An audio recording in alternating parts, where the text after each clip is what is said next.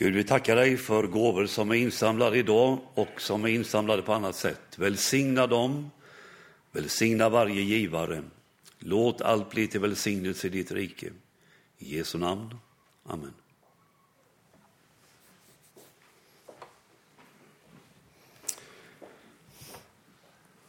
Då ska vi dela dagens evangelietext. Johannes evangeliet, det fjortonde kapitlet. Och vill du följa med i Bibeln i bänken så är det sidan 768. 768. Vi står upp när vi läser texten. Johannes 14. Känn ingen oro. Tro på Gud och tro på mig. I min faders hus finns många rum. Skulle jag annars säga att jag går bort för att bereda plats för er? Och om jag nu går bort och bereder plats för er så ska jag komma tillbaka och hämta er till mig för att också ni skall vara det jag är. Och vägen dit jag går, den känner ni. Thomas sa, Herre, vi vet inte vart du går. Hur kan vi då känna vägen?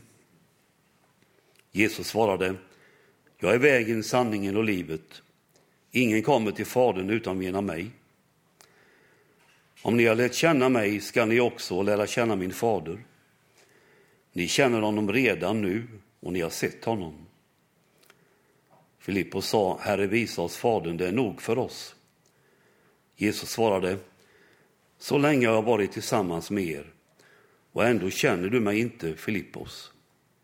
Den som har sett mig har sett Fadern. Hur kan du då säga, visa oss Fadern? Tror du inte att jag är i Fadern och Fadern i mig?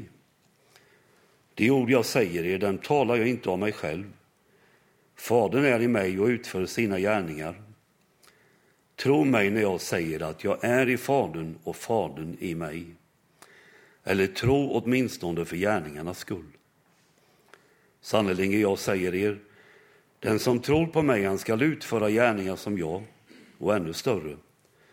Ty jag går till Fadern, och vad ni än ber om i mitt namn ska jag göra, så att Fadern blir förhärligad genom Sonen.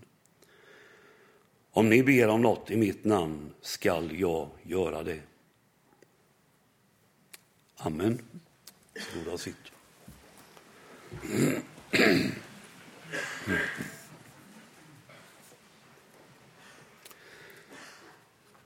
Det är spännande ibland att stanna inför de personer som var Jesu lärjungar.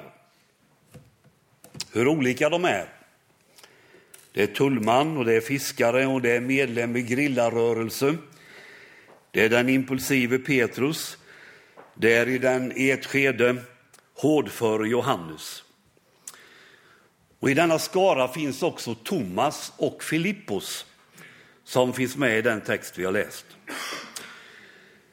Jag tar fasta på Thomas. På ett sätt är det för väl att han finns med i den här gruppen av lärjungar. För Thomas var en som stod på sig. Han ville veta hur det var. Och tack vare hans vetgirighet här så har vi med en del lärdomar i evangelierna. I texten talar ju Jesus om att han ska gå bort och bereda plats och att han ska komma igen och hämta de sina till sig. Och så avslutar han med orden och vägen dit jag går, den känner ni. Du, både du och jag, vi har suttit i sammanhang där någon har förklarat något, berättat något och sen frågat, är ni med på hur jag menar? Och så kanske man inte har fattat riktigt. Och så vågar man inte ge sig till känna och fråga.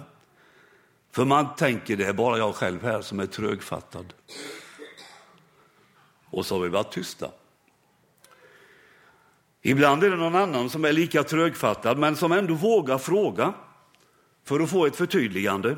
Och då tänker vi, det var gott att någon vågade, så också jag fattar. Jag ser att ni känner igen er.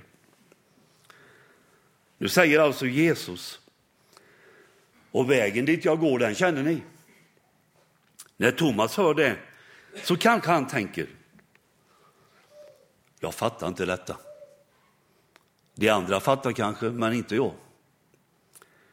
Men så ser han osäkerheten också i de andras ögon. Och Thomas som vill ha reda på hur det är, han gör sig till tolk för alla och så vågar han fråga, Herre, vi vet inte vart du går. Hur kan vi då känna vägen?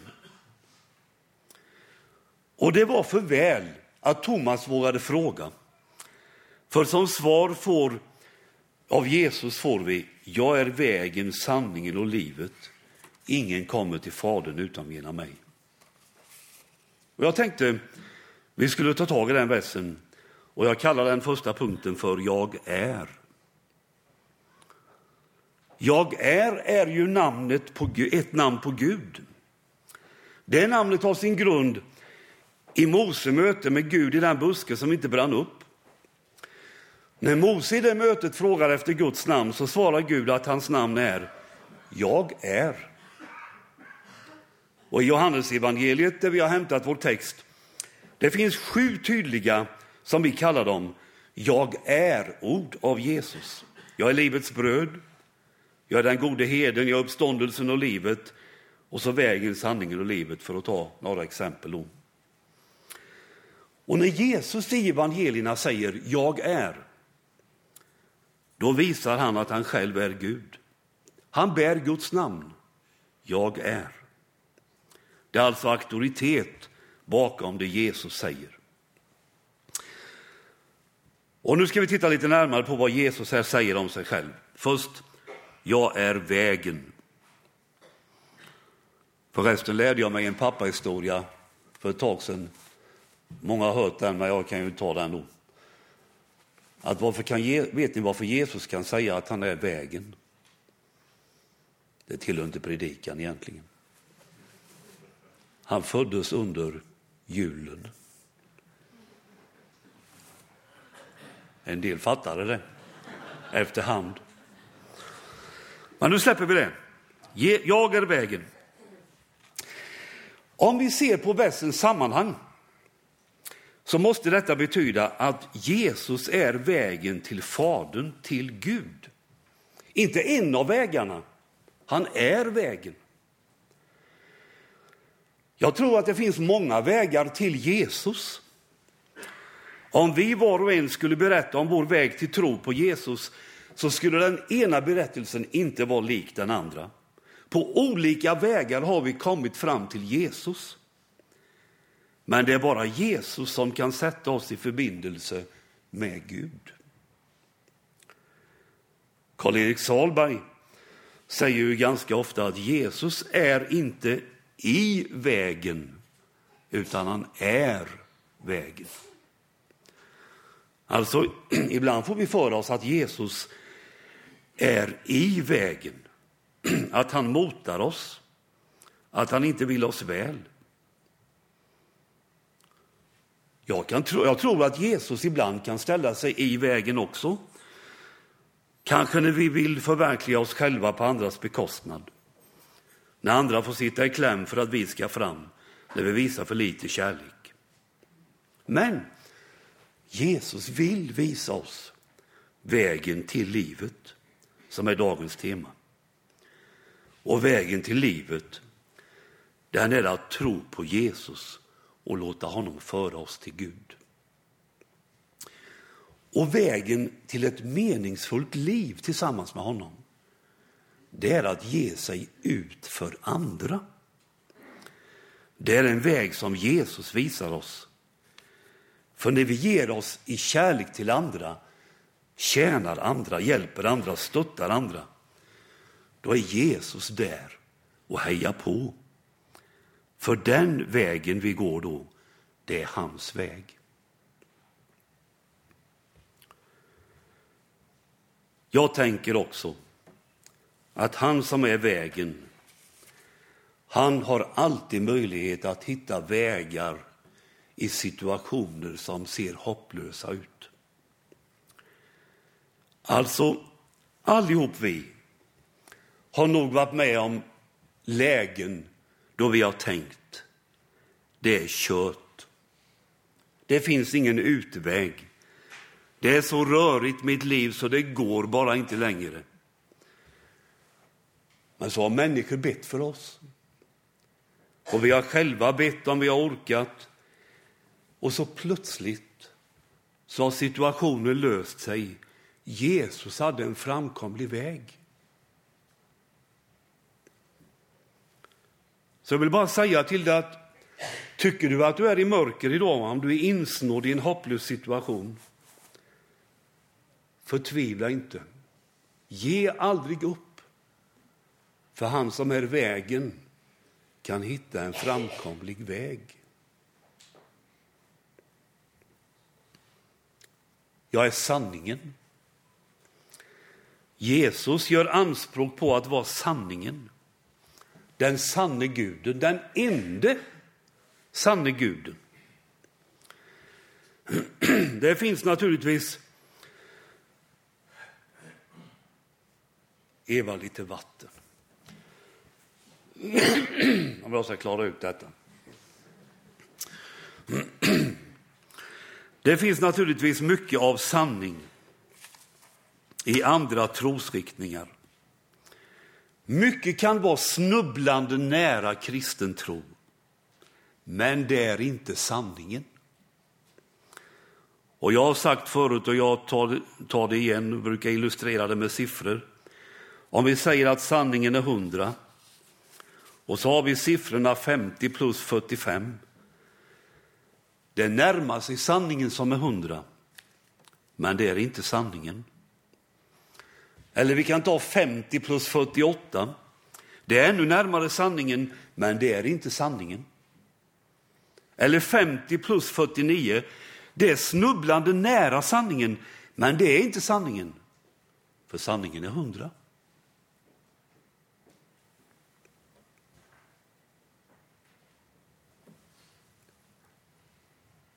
Och laddar här nu.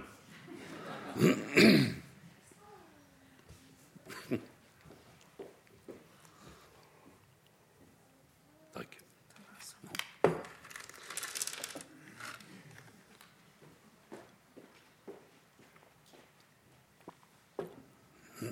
Ni var med nu, 50 plus 49. Det är snubblande nära, men det är inte sanningen. Jesus är sanningen. Han är hundra. Han är den enda sanne guden. Så är det ju så, om vi växlar spår lite, att kyrkan, församlingen, vi är Kristus i den här tillvaron som är just nu. Vilka ska människor läsa av idag om inte oss? Var ska människor se Jesus om inte hos oss. Paulus skriver till Timoteus att församlingen är sanningens pelare och grundval. Vilket uppdrag! Jesus är sanningen och församlingen, vi, är sanningens pelare och grundval. Och detta är vi av nåd. Detta är vi utan att vara perfekta eller färdiga. Gud använder oss ändå. Vi blir aldrig hundra här, men det är viktigt att vi drar åt det hållet. För om jag tar ytterligare ett spår här, vår strävan måste vara att leva sant. Spänn på er sanningen som bälte, står det i Efesierbrevet. Lögner, osanningar, halvsanningar har inget med det kristna livet att göra. Och ändå är vi i den röran nu och då, och kanske ofta. Och jag blir ju så trött på mig själv ibland när jag märker att det inte är sant rakt igenom. Och den, det bästa är att den upptäckten gör jag ofta. Och här finns bara en utväg. Och den är att vi får be om förlåtelse för alla våra lögner vid Jesu kors. Det är utvägen. Ibland måste vi också be en medmänniska om förlåtelse. Och vi får nog dras med den här kampen hela livet. Men i allt detta kan jag finna tröst i Efesierbrevet. Häng med nu, det står det i kapitel 4. Lägg därför bort lögnen och tala sanning. Men i första kapitlet skriver Paulus till Efesierna, tro på, äh, skriver han om Efesiernas tro på Herren Jesus och han tackar Gud för dem. Alltså, de har en tro på Jesus och samtidigt måste Paulus uppmana dem till sanning. Det var en kamp och i den kampen känner vi igen oss. Vi blir aldrig hundra, men vi måste sträva åt det hållet. Det är vägen till livet, för Jesus säger att sanningen ska göra oss fria. Jag är livet. Jesus säger att han är livets bröd. I Johannes evangeliet 7 talar han om strömmar av levande vatten. I Apostlagärningarna benämns han som vägvisaren till livet. En vägvisare visar oss åt vilket håll vi ska gå. Jesus visar oss vägen till livet, till sig själv. Det liv man upptäcker hos Jesus, det handlar om att jag kommer underfund med varifrån jag ytterst kommer. Det handlar om att upptäcka en djup mening i det liv jag lever nu. Och det handlar om att jag vet vart jag är på väg. Livet är mer än att äta och sova och jobba och sätta barn till världen och åka på semester och festa varje helg. Mycket av detta jag sa nu är i sig viktigt, men det finns mer. Mycket, mycket mer hos honom som säger jag är livet.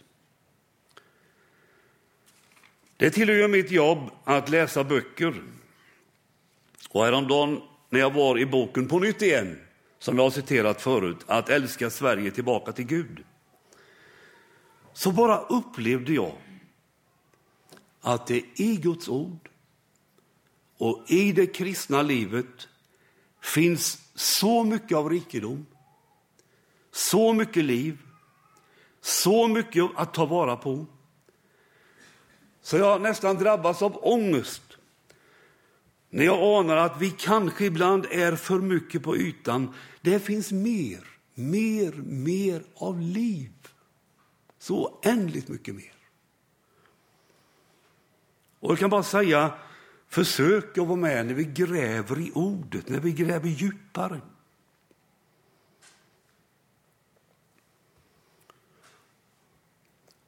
Jag växlar spår också här och säger att om vi ska leva rika kristna liv, om vi ska förverkliga oss själva, om vi ska komma djupare och djupare in i livet, då gäller kärlekens väg att ge sig hän och tjäna.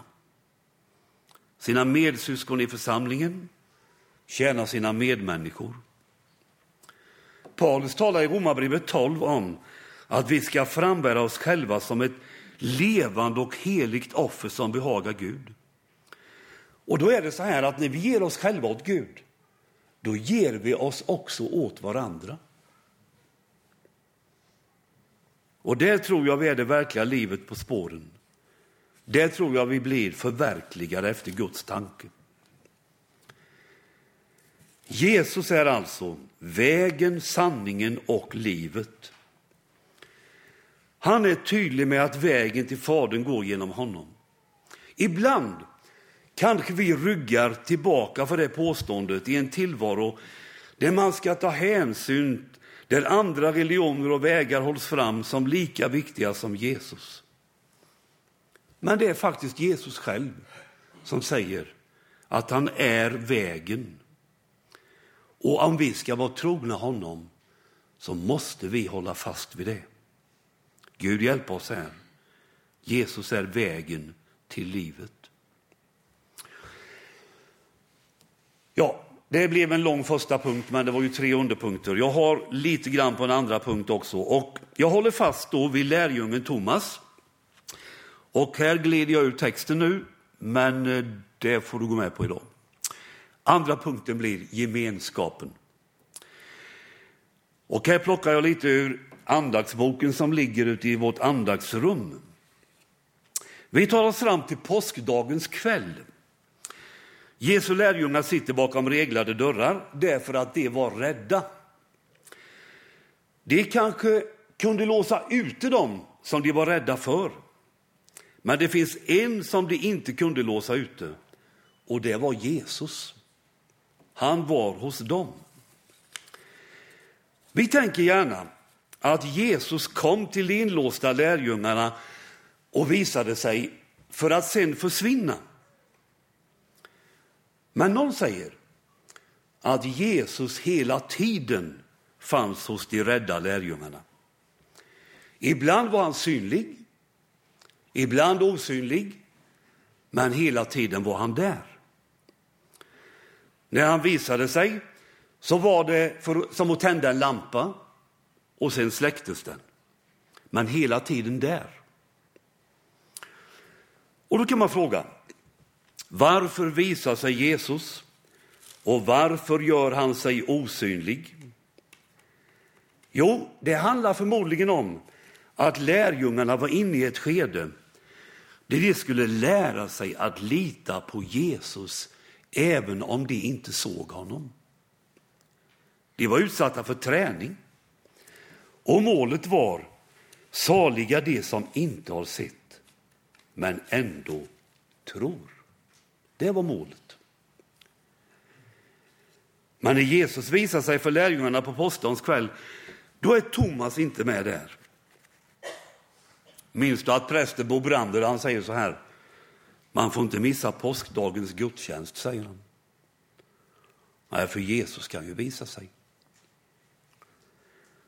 Varför var inte Thomas med på påskdagens gudstjänst? Hade han festat för mycket på påskafton? Låg han hemma och sov? Var han på Friskis och Svettis? Eller var det något annat? Vi vet inte. Klart är att han inte var med och så missade han den uppståndne. Så möter Thomas sina kompisar och de berättar att de har sett Herren. Och det är då vi ser lite av Thomas karaktär igen. Han har kallats för tvivlaren, men kanske det mer var så med Thomas att han verkligen ville veta. Va? Och därför säger han att om han inte får möta Jesus och sticka fingrarna och handen i hans sår så kan han inte tro det. Han ville veta. En vecka senare var lärjungarna samlade igen och Thomas var med. Lägg nu märke till, och detta är viktigt, att Thomas inte är ensam. Han är med i gemenskapen. Och där, i gemenskapen, det är där som Jesus visar sig igen. Och Thomas blir övertygad och han bekänner min Herre och min Gud. Och jag stryker under än en gång att Jesus visar sig i gemenskapen är viktigt.